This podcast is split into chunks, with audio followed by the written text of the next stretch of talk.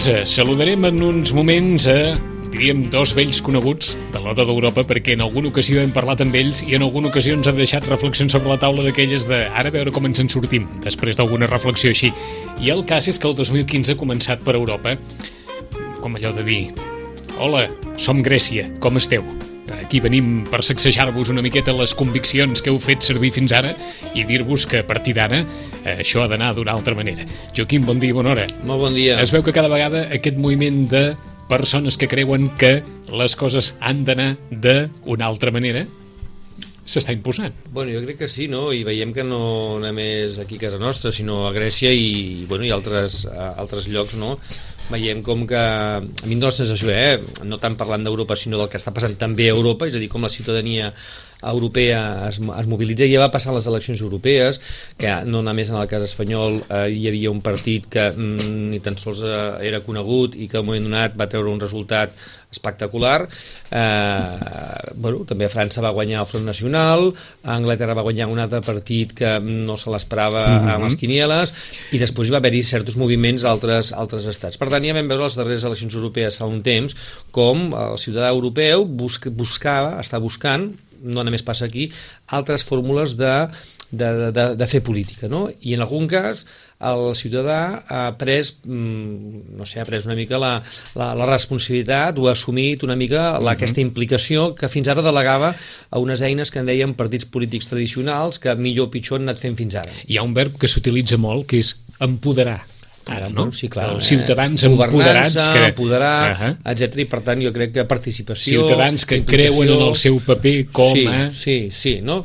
I, i clar, desllorigador de coses que no els agraden. Poder, jo sempre dic que poder aquesta no, no sé si és la solució, però sí que és el resultat d'una mala gestió eh, que en algun cas doncs, ja fa temps que ha, hi ha llums d'alerta eh?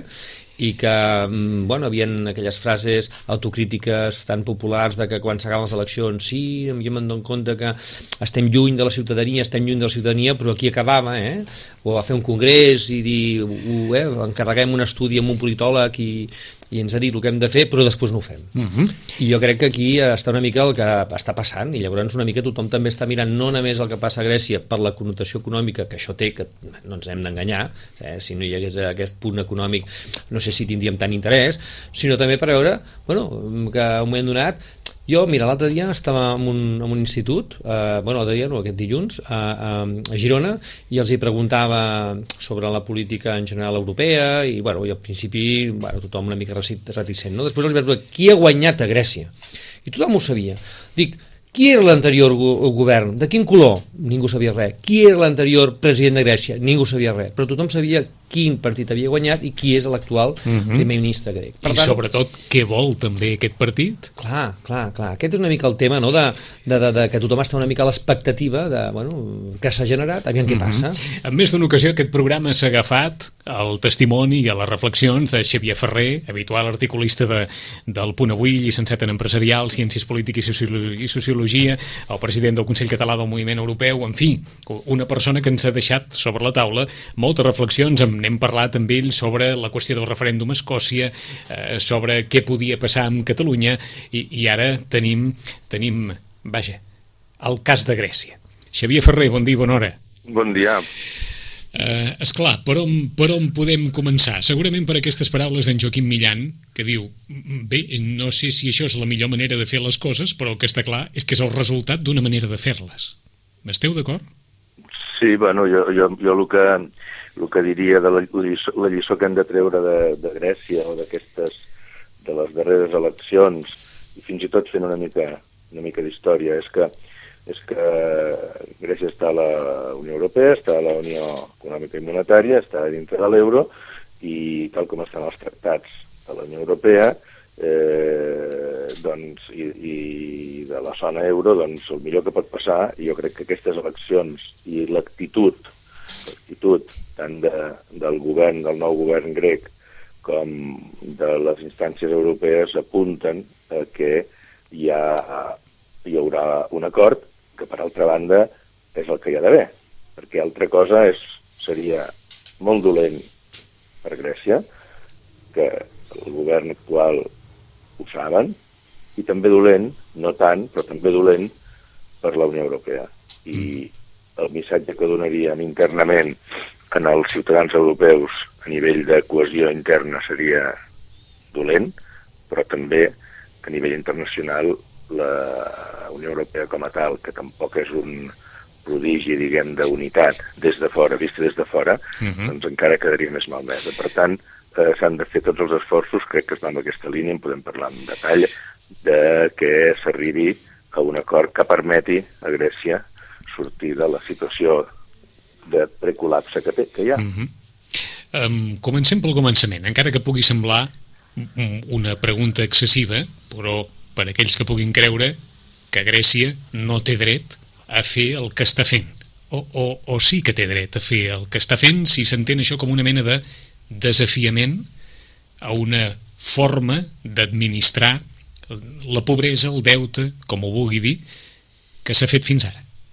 A veure, eh, dintre de la Unió Europea els estats, evidentment, eh, són, són sobirans, perquè no és una unitat política, però hi ha unes normes i unes normes, diguem, més diguem, des del punt de vista econòmic dintre dels estats que formen part de la Unió Econòmica Monetària, de la zona euro, com s'entén. Uh mhm. -huh. I des d'un punt de vista de, de rigor i de funcionament, eh, les normes s'han de complir.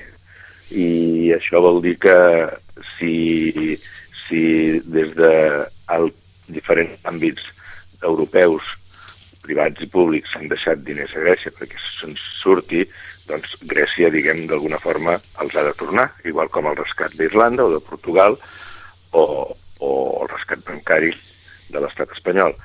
Eh, què passa? Doncs la situació política, econòmica de Grècia no ha remuntat, ha anat a pitjor, i ara és veritat que estem, estem en una situació de, que té un deute de 178% del PIB, per dir-nos d'alguna manera, des d'un punt de vista de, eh, sense entrar massa en el econòmic, doncs és pràcticament impagable amb els interessos i tot, mm -hmm. és impagable si el país no creix, eh? Per tant, s'ha de trobar una solució. Amb, amb això, professor, coincidiria tothom, no? Eh. Deure, deure el 178% del producte interior brut sí. és, és demanar-li a un arruïnat que pagui el que mai no podrà pagar. Sí, però no és eh, una qüestió, diguem, matemàtica, perquè és una xifra determinada. Perquè, -huh. per exemple, el Japó té un 200% del deute del PIB.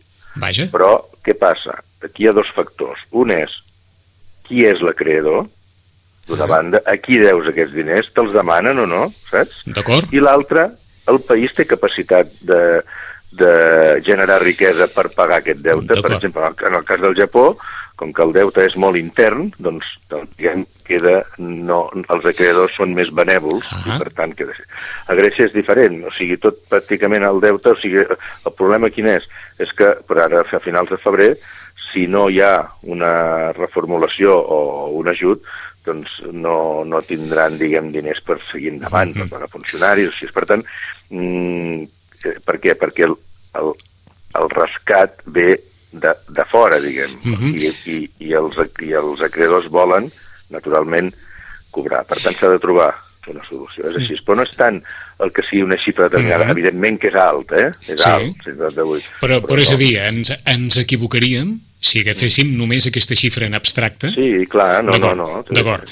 Aleshores, uh, Grècia devia diners als bancs, sí. uh, la Unió Europea va pagar bona part d'aquells diners i ara Grècia ens deus diners a vostè, a mi, en Joaquim Millan, el nostre tècnic... No, no, no? és així. És a veure, si com és això ara? No, perquè si ho diguem així, doncs també eh, Espanya, l'estat espanyol, amb el rescat bancari, també deu diners a, estar, al final, ah eh, quan, quan un estat ajuda amb un altre, eh, al final els estats eh, no, són, els, són els, els, els ciutadans. Ah Ah, o, o, o sigui, bàsicament que tothom deu diners a tothom, gairebé Clar, diríem. Eh? Sí, sí. Eh, per tant, tothom ha de resoldre aquests deutes amb tothom de la forma més conciliadora sí. possible. això ens referim, aquí, sobretot. Però aquí voldria dir que, sí. o sigui, que l'interès d'Europa també ha de ser, i de l'estat espanyol, que ha deixat diners en aquest, en aquest fons, i Alemanya proporcionalment, cada un, eh, en, el, en el rescat a Grècia, a veure, el tema és que l'interès de l'acreador també és molt important que no es trenqui el consens i l'acord, perquè si, si Grècia surt de l'euro, com he dit abans, seria molt dolent per Grècia, per la ciutadania, haurien de fer devaluacions i veuríem, hauria de buscar altres àrees d'ajut o el que sigui, però el que primer segur pre previsiblement passaria és que diria que no pot pagar el deute. Llavors, els acreedors, eh, l'estat espanyol, sí. els bancs privats o el govern central europeu, doncs, ho, ho perdrien, diguem, tot o quasi tot.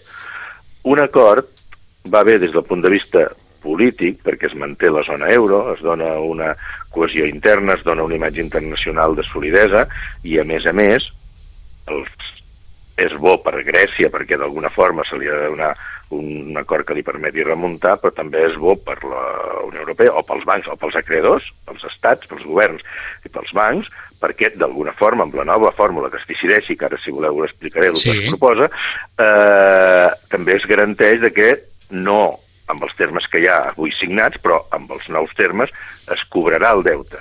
M'explico? Uh mhm. -huh. aquells, que, aquells que apunten i, i després desenvoluparem el, el que ens comenta el professor, què, què vol Grècia, però aquells que apunten que un país com Grècia, un estat com Grècia, que significa molt poc del producte interior brut de tota la Unió Europea, pugui, el 2%, el 2%, el 2%. Pugui, pugui arribar a sacsejar tant l'estructura de l'Unió, tenen, tenen raó d'expressar aquest posicionament? Sembla mentida que, que movent només un 2% del producte interior brut de tota la Unió s'arribi ara a sacsejar tant la Unió Europea per aquesta circumstància? No, clar, clar que sí, sí perquè, perquè el món cada vegada està més interrelacionat i el que passa en un lloc afecta l'altre, però en aquest cas concret, a l'estar Grècia formant part de la zona euro i eh, havent-hi un, diguem, rescat, eh, per part, de, bàsicament, de les, de les eh, privats i públics de, de l'àmbit europeu, sí. doncs evidentment que afecta. Què vol dir que afecta? Afecta, com diguem que afecta, vol dir en els mercats, no? Perquè si, si els, els diners, si els, els acreedors, si, si veuen que hi ha una certa inestabilitat o una possibilitat de que el que li deixes diners no els torni, doncs, doncs eh, es tiren enrere. Llavors això es genera la crisi. Què ha passat aquí? que s'ha de reflexionar. L'evolució, o s'ha de, diguem, d'explicar, sí. eh, fa dos anys, fa dos anys que ja estàvem en plena crisi, però que les estructures econòmiques de la zona euro no eren les que són ara, em refereixo, no hi havia un fons per cobrir diferents mm -hmm. rescats, eh, les eleccions aquestes de fa 15 dies passades, a fa dos anys, haguessin generat, eh, guanyar Sirissa, un, un terrabastall, diguem, econòmic de, o, o com a mínim de financer, no? de, de, de col·lació i, i, de, i de desequilibri. No? Per què no ha passat ara? Doncs perquè això, l'economia de Grècia és un 2%, però eh, hi ha fons suficients per cobrir qualsevol, si es vol, qualsevol, diguem, dificultat de Grècia, i a més a més, uns dies abans, cosa que no havia passat fa dos anys, uns dies abans, de, el mes de gener, Draghi, el Banc Central Europeu, va dir que faria, i durant dos anys, una, una inversió o posada en escena de liquiditat, que ara no recordo la xifra, però suficient uh mhm. -huh. com perquè els mercats estiguin tranquils amb el sentit de que no passarà res. A, no passarà res a, a on? A Europa, des del punt de vista econòmic. Eh?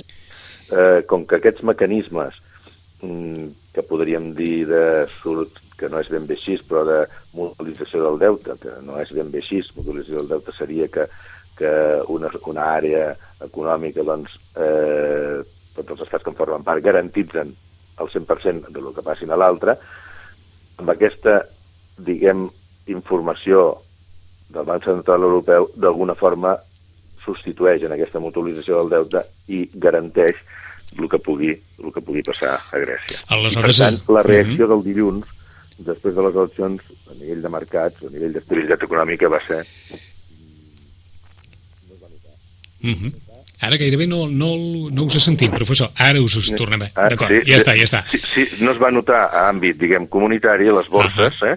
però sí que es va notar a Grècia. Vol dir que aquestes eleccions a Grècia han sigut més importants, com ha de ser, per Grècia, que per la Unió Europea. Ara, un problema hi és, que és el deute, i és aquest que ara, amb aquests viatges mm. que estan fent el Cipras i el ministre d'Economia, que ha passat a primer pla de, uh, europeu, eh, eh, doncs està veient, estan veient diferents diferents eh, caps d'estat i de govern i, i cercant avui, hi ha una reunió molt important del ministre d'Economia grec, eh, ara deuen estar reunits amb el Banc Central Europeu, fixeu-vos, el primer Banc Central Europeu, i després irà amb el ministre d'Economia alemany, després d'haver passat per, per Brussel·les, eh, Londres, i, i ahir estaven a, a Roma. I a França també França, hi van passar. Sí, a França, mm -hmm. també a França. Ah uh, um, du dues qüestions a, a, a partir d'aquí. Primera, uh, uh,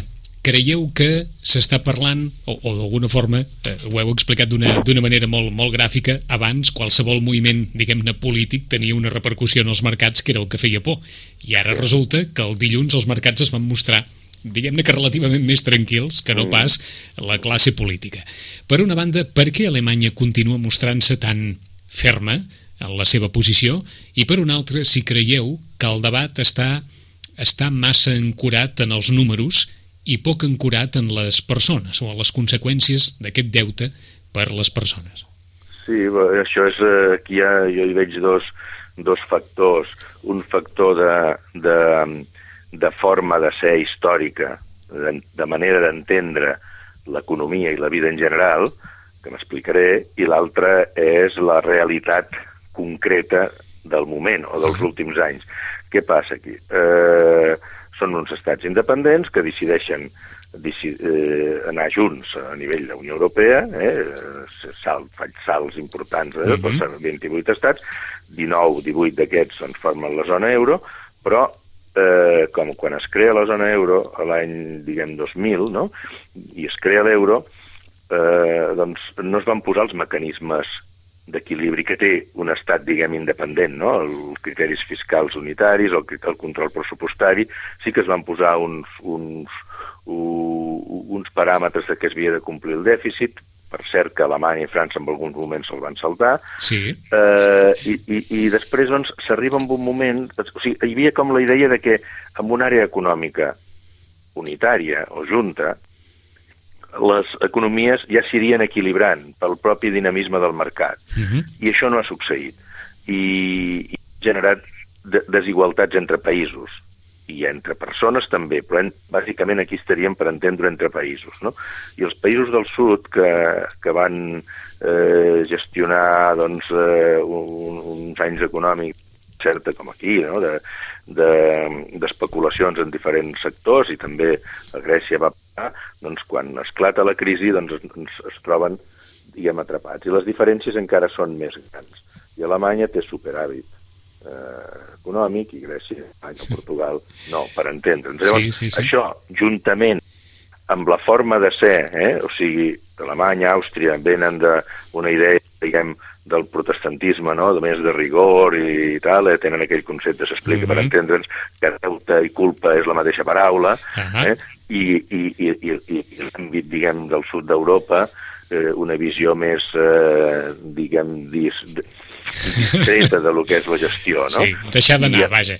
Bueno, sí, però és que ara explicar-ho en, en 20 segons, eh, ah bueno, si, si s'entén una mica la idea, doncs ja... Ens sembla ja que sí, una qüestió de tradició cultural també hi sí, pesa aquí, també, eh? també també hi és. Llavors, eh, això fa que, que des d'Alemanya es vegi com, per exemple, per dir aquests senyors han viscut la festa uh -huh. i a més a més dalt, ara els hem d'ajudar perquè hem de, hem de tenir en compte que l'any el 2002, amb Schröder, que ja no ens en recordem de primer ministre o de canceller, eh, ja van intuir la crisi i, i van fer reformes estructurals importantíssimes. Eh? I van fer el, el, el contracte laboral d'allò de temps parcial i sí. diferents coses, mentre aquí ens dèiem, ens dèiem, en, vivíem, diguem, entendre'ns la festa, no?, de l'especulació eh, immobiliària, mm -hmm. bàsicament, i anar tirant. De quan, estàvem, que... de quan estàvem a la Champions de l'economia mundial, sí, deien, no? clar, i una mica fins i tot recordo unes imatges en què encara hi havia el govern Aznar, fixeu si es parla, 2003, que, que li donava com lliçons a les rodes, no? En un ah. moment, en un moment encara, eh, ara no és ben bé així, però que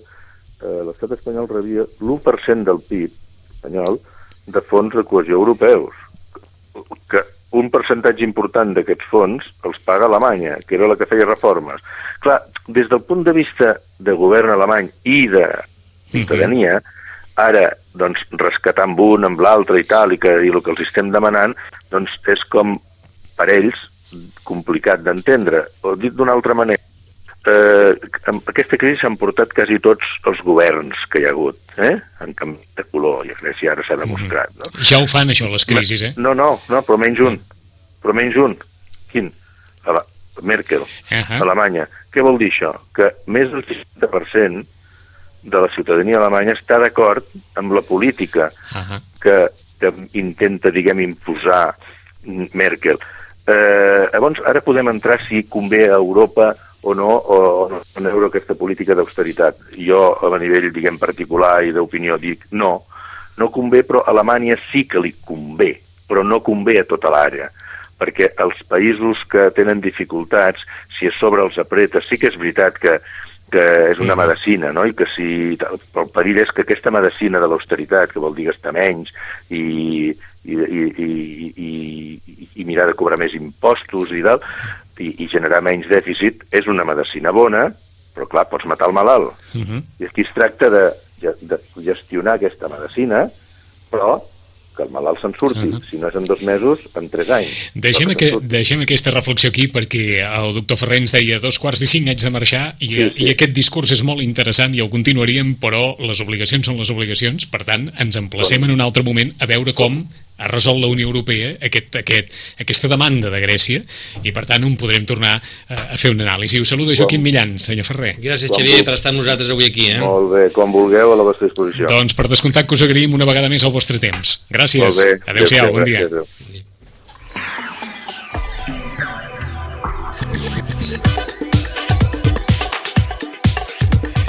A continuació saludarem una altra persona que ens ha servit molt eh, en, en determinats programes. Eh, eh, en Joaquim té aquests, vaja, en té més d'un, però té aquests reflexionadors de capçalera que ens van molt bé per explicar les coses. I aquí ens ha agradat molt aquest concepte del producte interior brut per se, no vol dir res ni millor ni pitjor. Aquest 178% del producte interior brut que deu Grècia no és ni millor ni pitjor. Japó en deu el 200%, ens deia el professor Ferrer, però depèn de qui el deguis i d'allò que et demani la persona a qui li deus. I el tipus de contracte que hagi signat, I el tipus el de contracte tempo, que hagi signat i, tal, i tot, tot, tot plegat. I, I Grècia...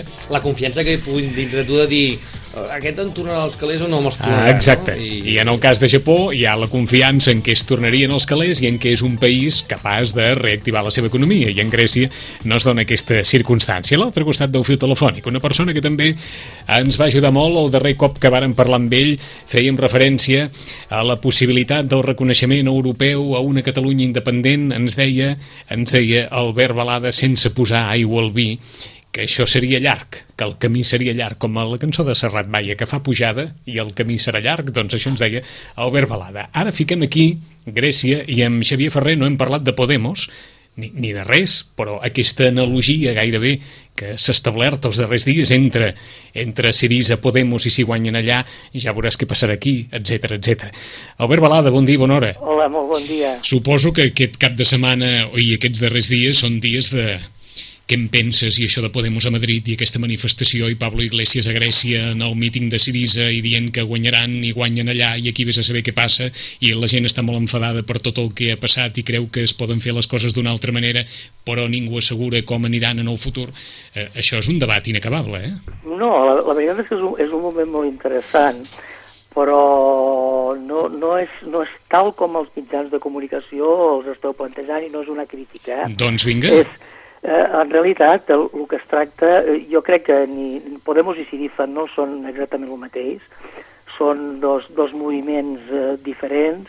Siriza en realitat és una coalició de molts micropartits eh, on, no, on no hi ha, contràriament a el que s'ha dit, el Partit Comunista, perquè ha tingut una, una llista a part i ha format llista, llista a part, uh mhm. -huh. eh, sí que ha, ha recollit tot el descontentament de la població grega, doncs, que, era, que era molt, perquè era una situació doncs, bastant, bastant greu, i amb el, amb el cas de Podemos eh, jo sempre el qualifico de partit de laboratori, o sigui, la majoria d'ells són politòlegs, per tant, tenen una ampla formació en aquest sentit, i el que estan fent és recuperar, ahir ho explicava jo en una de les meves classes, estan recuperant eh, una terminologia que era la que usa eh, la ciència política per definir el liberalisme democràtic i que la van usar els científics aproximadament als anys 40 d'aquest segle passat, finals fins i tot del, del, del segle anterior, Clar, és una terminologia que és bàsica quan s'està estudiant els primers anys de la carrera, però que a la gent li sonarà com a terminologia revolucionària perquè ho és, perquè neix de les revolucions burgeses,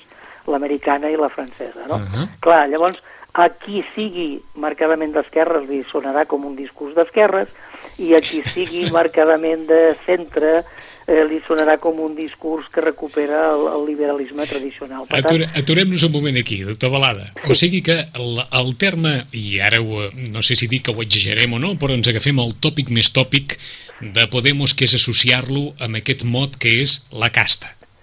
Eh, bueno, a, a, això uneix a dretes i esquerres? Bueno, això, això és una expressió. A veure, el, el, el que sí és cert és que el, el model, en particular el model espanyol i el català també, que és el que sorgeix de la restauració democràtica, en podríem dir de l'any mm. 76, 77, jo no, no, no ho situaria exactament a la Constitució. D'allò tan, tan apedaçat, vaja. Genera, genera un, un determinat model que possiblement va ser útil, no, jo no, no ho nego, no? Vull dir, hi havia unes circumstàncies determinades, però que és un model que està caducat.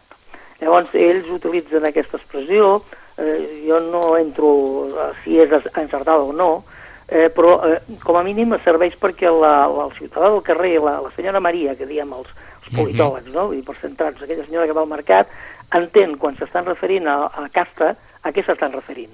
Eh? Llavors, el terme està ben trobat sí. i, i, i serveix per explicar això. O sigui, amb una única paraula s'explica que això es refereix a, a un sistema d'elits que ha generat el propi sistema. A una certa, què, perversió de la política? No, no, jo no, no, no. diria que és una, és una perversió de la política. És un sistema que ha tendit a, a perpetuar-se. En, en realitat respon també bastant al, al model hispànic. El model hispànic sempre ha sigut un model de bipartidisme.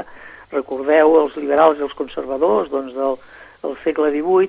Eh, D'alguna manera s'ha reproduït aquest, aquest sistema uh mhm. -huh. i, i el, el, el, el grup aquest, Podemos, eh, el que intenta doncs, és ficar una falca enmig d'aquests dos eh, models. Però molts, molts podran dir no ho sé, que el sistema britànic també és de bipartidisme, que els nord-americans també viuen eh, entre el bipartidisme? Sí, però és que no és exactament igual. El sistema uh -huh. britànic és un sistema eh, d'arrel majoritària. No és cert que sigui, eh, o, diguem, no, no, no, no, és, no és encertat dir que és bipartidista el britànic, perquè fixeu-vos que ara hi ha tres forces polítiques al Parlament Cert. i dues que estan formant govern. Uh -huh. Hi ha, al ser un sistema majoritari, eh, el tercer partit amb l'ICA sempre quedava una mica més despenjat i eh, només la, la, la sort, diguem, de que els conservadors no van tindre tan bons resultats va fer que ells pugessin una mica. No?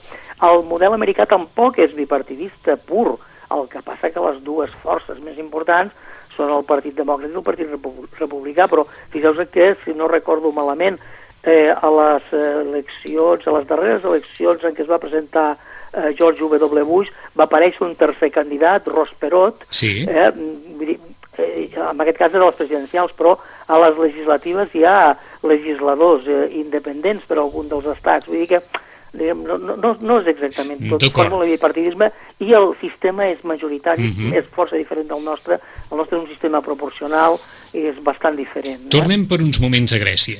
Aquells que puguin pensar amb una certa, no sé si dir, eh, eh, si enveja, mira quin, quin aposta de dignitat, quin punt d'honor als grecs d'enfrontar-se de, a l'establishment i de dir obertament que mm, això no pot anar d'aquesta manera i que hem de pagar, però hem de pagar d'una altra forma que no sigui la que ens imposa la Unió Europea, bé sigui a través d'Alemanya, bé sigui a través dels bancs, bé sigui a través de, de qui sigui. És una bona manera de mirar-ho, això? Sí, perquè amb el, cas, amb el cas grec és una situació una mica diferent de la que s'hagi pogut donar a Espanya, Portugal i fins i tot a Itàlia.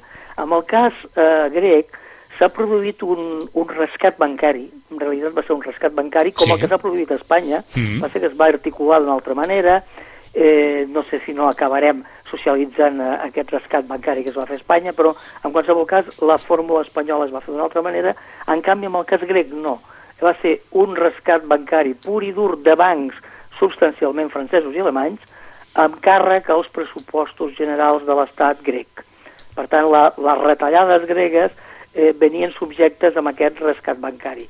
Clar, això genera una animadversió important, perquè no era finançar, diguem, l'estructura grega, sinó era finançar el reflotament de la banca, que era substancialment, ja us ho recordo, eh, alemanya i francesa. La, la, Ah. el greuge grec era aquest, és a dir, era, era precisament doncs, a, a un país que va estar ocupat per Alemanya, eh, resulta que li hem tingut ara que refinançar el, el, el deute dels seus bancs i l'hem de pagar entre tots, doncs la gent està força enfadada.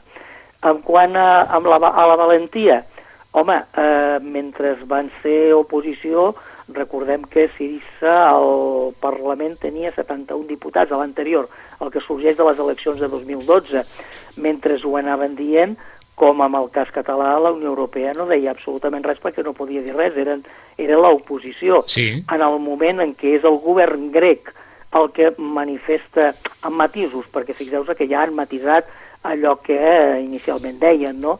Doncs clar, evidentment, la, la Unió Europea ha de prendre posició i ha de prendre decisió. Eh, la veritat és que també tenen un precedent molt, molt important, no és el mateix cas, però té que veure amb la quita que es va fer a Alemanya respecte eh, dels eh, deutes de guerra de la Segona Guerra Mundial. És dir, la, la Primera Guerra Mundial no va crear cap organisme que vetllés sobre la, la, la imposició de sancions a l'Alemanya de la Primera Guerra, però en canvi a la Segona Guerra Mundial es va crear un organisme que al final va acabar fent una quita important del deute alemany. Mm. Bé, eh, això no, no, és, no està directament relacionat amb el que està passant, però sí que és un model amb el que acabaran fent a Grècia. No, segurament no li acabaran fent una quita a Grècia, però possiblement puguin allargar els interessos, puguin no renovar determinats préstecs que s'havien fet, eh, serà una mica partint d'aquella base, d'aquell supòsit que ja es va fer, doncs fer-ho ara. Però, perquè ara estem parlant del govern grec i no estem parlant d'un partit de l'oposició Sí. que estava fent unes propostes. De tota manera, professor, és clar, allargar el període de pagament. Bé, no, no, sí. no sabem ara allò de dir quan pot acabar de pagar Grècia o Bueno, quan pot tenen- d'alguna manera equilibrar Grècia la seva economia com per dir, mira, aquest deute ja el podem assumir en el nostre dia a dia. Què poden passar? Ara 20 tenen anys, un- 30, 40, 50, 60, 70? És, és que ara tenen un termini ja molt llarg, ara tenen un termini ja de 30 anys, eh? Llavors... Eh, Encara, el- em pensava, encara em pensava que en diríeu més. Sí, no, no, ara, ara estava en 30. Com que aquí s'havien donat hipoteques a 40, Sí, doncs, el, esclar. el, el que passa és que eh, eh, han, han aconseguit, o i, intenten aconseguir una cosa que jo crec que és important, i amb això penso que no s'equivoquen, que és eh, aquesta deuta seria difícilment retornable si eh, tornessin a entrar en el circuit de i, eh, us tornem a demanar crèdit per poder pagar els interessos de la deuta i eh, seria un bucle del que no se sortirien. Mhm. Per tant, si allarguen aquest període i eh, aconsegueixen no tenir que demanar préstec per poder-ho anar pagant, vol dir que això sí que s'acabarà. Eh, eh, esgotant un dia o altre. O sigui que la, la clau de volta que Sí. assenyalava el ministre d'Economia grec quan deia no, no, atureu-vos un moment perquè ens heu de deixar créixer Sí. perquè nosaltres no us haguem de demanar diners Clar. per continuar pagant els interessos del deute, sinó Eh. que d'alguna forma puguem trencar aquest, aquest cercle. Ef- efectivament, És no, això. no s'equivoca, vull dir, això a, a moltes vegades en, en, en, en política i en economia a vegades és el, el sentit comú més que la teoria del manual, no? I, i en aquest cas és, és, és lògic. I sí, eh, eh, no, hi ha un bucle en el sentit de hi ha uns interessos i, i, un, i un principal de la deuta que eh, es va inflant, es va inflant i es va inflant i tinc que demanar crèdit doncs per, per continuar Ahà. inflant aquest deute però no ho podré pagar mai. Per tant, la solució és fer una aturada en un moment, diguem, renegociar, si es pot, alguna deuta, fer una petita quitança eh, de- de- d'aquesta deuta o allargar aquest termini, però evitar que tingui que tornar-se a demanar aquests diners. Suposo que també hi haurà d'haver algun tipus d'ajudes per part de la Unió Europea eh, d'aquestes ajudes estructurals que encara no s'han retirat, algun tipus de, de diguem, d'injecció econòmica eh, a Grècia. Eh, no oblidem que la- l'economia grega tampoc no és l'economia espanyola, diguem, són 9 milions de, de ciutadans, però s'assembla més a Catalunya que no pas a Espanya, podríem dir-ne, perquè Sí. és una economia petita dintre de la Unió Europea, el seu pes específic també és petit, per tant hi pot haver algunes mesures d'ajust que seria complicat aplicar-les a Itàlia, a Espanya o a Portugal, per exemple. Mhm. Com creieu que hauria de reaccionar Europa o mm, per què Alemanya li està costant tant, li preguntàvem fa uns moments també a Xavier Ferrer aquesta, vaja, més o menys el, el mateix, la seva opinió sobre el particular. Per què Alemanya li està costant tant o s'està mostrant tan refractària a la petició de Grècia? Bé, eh, el, Alemanya té, té un model que surt substancialment de la Segona Guerra Mundial i que, i que va reflectit pels períodes previs, no, ara no estic parlant de, de política, sinó d'economia política. Sí, sí, sí. És a dir, la, la hiperinflació que va generar eh, es va generar a Alemanya, doncs eh, podríem parlar dels anys 31, 32, 33, situació política a banda, eh, està molt a la memòria col·lectiva dels alemanys. Llavors, eh, eh, ells el que pretenen és que tot això no acabi incidint amb la situació eh, econòmica europea. Us diré per què. En el moment en què el, el patró or ja no deixa de ser el, el, el que avala el, el paper moneda d'un país, en aquest cas podríem dir de la Confederació Europea, uh mhm. -huh. el fet de eh, tindre que anar fent emissions de paper moneda i que el Banc Central Europeu acabi comprant deute pública dels estats que l'han emès, això eh, posa en, en qüestió el propi valor de la moneda en el canvi que tenen amb altres monedes i afecta també directament a, a la inflació que hi pugui haver dintre del país doncs, per la, el, el cost de, de les compres, de les importacions que es puguin fer. Que Alemanya, crec, eh, és una visió que pot ser discutible, però crec que està espantada una mica per això. És l'economia forta de, de, de la Unió Europea i està pensant el, el, el que està pensant. Ja, ja hi ha hagut problemes amb la paritat amb el franc suís. De fet, eh, l'euro i el dòlar estan en aquest moment amb una paritat eh, real, o sigui, un dòlar és, és, és un euro pràcticament, i això és una situació una mica de risc. El que passa que hi ha una paraula, que és la que no estan utilitzant, i és la paraula deflexió. És dir, eh, estem eh, no, no en un procés de recessió, sinó estem en un procés de creixement negatiu. Eh, s'ha de fer alguna cosa. Per tant, a Alemanya, encara que sigui amb la boca petita, no li quedarà més remei que acceptar, si no totes, algunes de les mesures que en aquest cas eh, es posin sobre la taula respecte de Grècia. O sigui que d'alguna forma també, més enllà dels números i de l'economia, a Alemanya li pesa, li pesa la història posterior a la Segona Guerra Mundial i la història posterior al trencament del mur de Berlín? Sí, sí, per, per, per descomptat. Eh? Per descomptat. Però, però la, la posterior i l'anterior. I l'anterior, és a dir, l'esforç, el, el trauma que va viure... Sí, la, la... Jo, jo em situo l'any 33, eh, sí. on, on una barra de pa costava un milió de marcs, vull dir que era una, una autèntica bar barbaritat, no? Eh, que, que tot això és el que porta, entre altres coses, el, el procés polític que van tenir, sí, sí. però... És a dir, l'any en què Hitler va pujar al poder... El poder, aquesta era la situació una barra, una barra de pa costava a Alemanya... Un milió de marcs.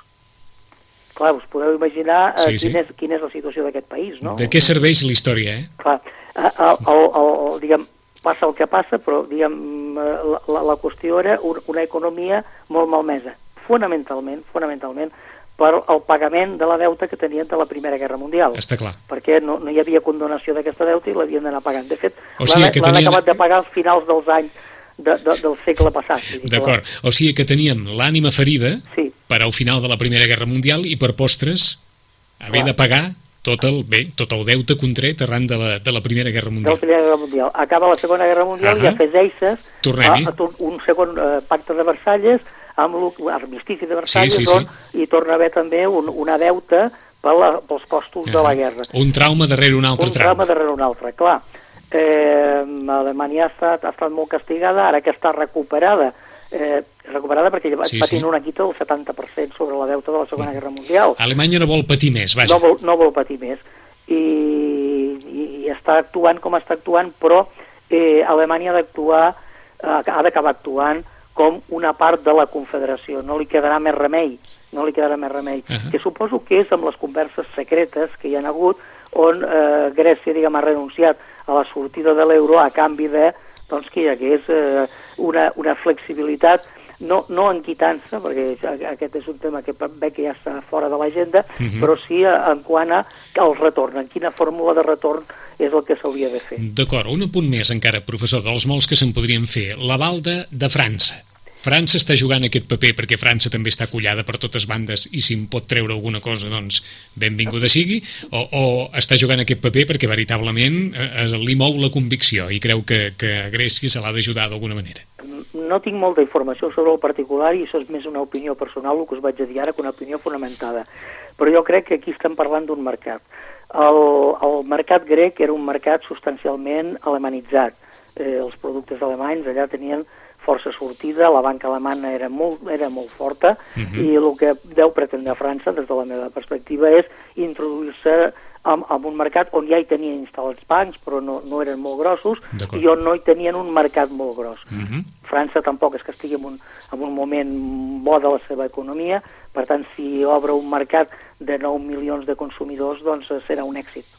D'acord. I encara hi afegiríem una reflexió sobre la tercera força política de Grècia, que és Alba Daurada. Mm, bueno, eh, eh, això és, és una fixació, mm, jo diria... Excessiva? Eh? Eh, ho dic perquè, clar, a, a partir de la, de la tercera força política eh, hi ha una, uns 5-6 partits que tenen eh, la, mateixa, mm, la mateixa mida, no?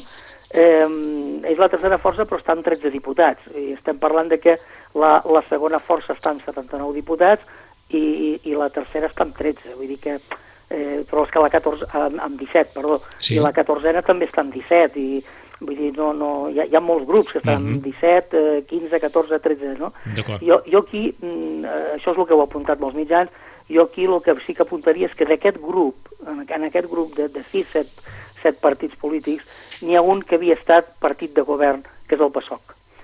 Eh, el, el, el PASOK és el Partit Socialista Grec, eh, havia passat doncs, de ser una força de govern, de ser una força amb, amb 70 o 100 i pico de diputats a tindre'n 13. Aquesta és la, la, la, la important característica uh -huh. d'aquestes eleccions, que guanya Siritza per un, per un lloc, però ja era la segona força política del país, per tant no és sorpresa, i que queda descavalcada ja, jo diria que a perpetuïtat, el que havia sigut el tradicional partit de l'esquerra grec. Que hi hagi una extrema dreta, vull dir, que és una extrema dreta xenòfoba, però és diguem, minoritàries, uh -huh. té, té, un, té un pes específic molt, molt petit. I una, I una qüestió encara, encara que la pregunta pugui semblar tendenciosa. Grècia està pagant les mentides que amb anterioritat el govern grec va fer públiques arran de la seva situació econòmica i aquelles mentides en les quals hi varen participar representants que després han format part d'organismes internacionals eh, econòmics? Bueno, hi ha, hi ha molts països de la Unió que la, el seu procés de convergència um, no és, és un procés doncs, legalment escrupulós, és a dir, està, està formalitzat amb un seguit de documents, però que si els anéssim a revisar fil per randa, doncs no són exactament, exactament els que són. No? I eh, és, és molt probable que aquest, eh, aquest procés que està fet en, un, en una època de bonança doncs no hagués estat el rigorós que, que havia de, que havia d'estar. És molt probable. Uh -huh. eh? no, no, no, no voldria jo fer no, una no, sentència, però queda, queda ben clara la... Però, la... però és, és, és molt probable, i uh -huh. no, no només a Grècia, hi ha, hi ha hagut altres països doncs, que s'ha estat més flexible amb, aquesta, amb aquest procés de, uh -huh. de convergència que està, per altra banda, perfectament reglat. Vull dir, no, no és un procés aleatori que cada país ho fa com ho fa, sinó que hi ha eh, dos, dos convenis, un conveni de Viena i un conveni de París, que ho estableixen perfectament, -huh. però mm, doncs hi pot haver hi pot haver doncs, una, una, una mica de, de, de màniga ampla en el sentit de quan això es fa hi ha un procés de bonança econòmica, diguem, hi ha molts diners sí, sí. sobre la taula que poden tapar moltes mm, coses. Està clar. Us saluda Joaquim Millan, senyor Molt bé, Albert, ens veiem aviat. Una abraçada, gràcies per estar aquí. Gràcies Encantat. per tot, professor. Encantat. Fins la propera, com fins, sempre, nosaltres fins també. Propera. Fins la propera, adéu-siau. Amb Albert Balada hem arribat a les 11. Sempre ens portes a dos reflexionadors interessants quan un moment ho demana, eh, Joaquim? La veritat és que sí. Aquí. Jo em quedo amb la frase del, del Xavier Ferrer que deia mentre el, des del 2002 al 2007 Alemanya feia reformes, aquí fèiem aeroports que ni tan sols hem inaugurat. És una bona reflexió. Joaquim, gràcies. A vosaltres. Fins d'aquí un mes. Tornem en 5 minuts.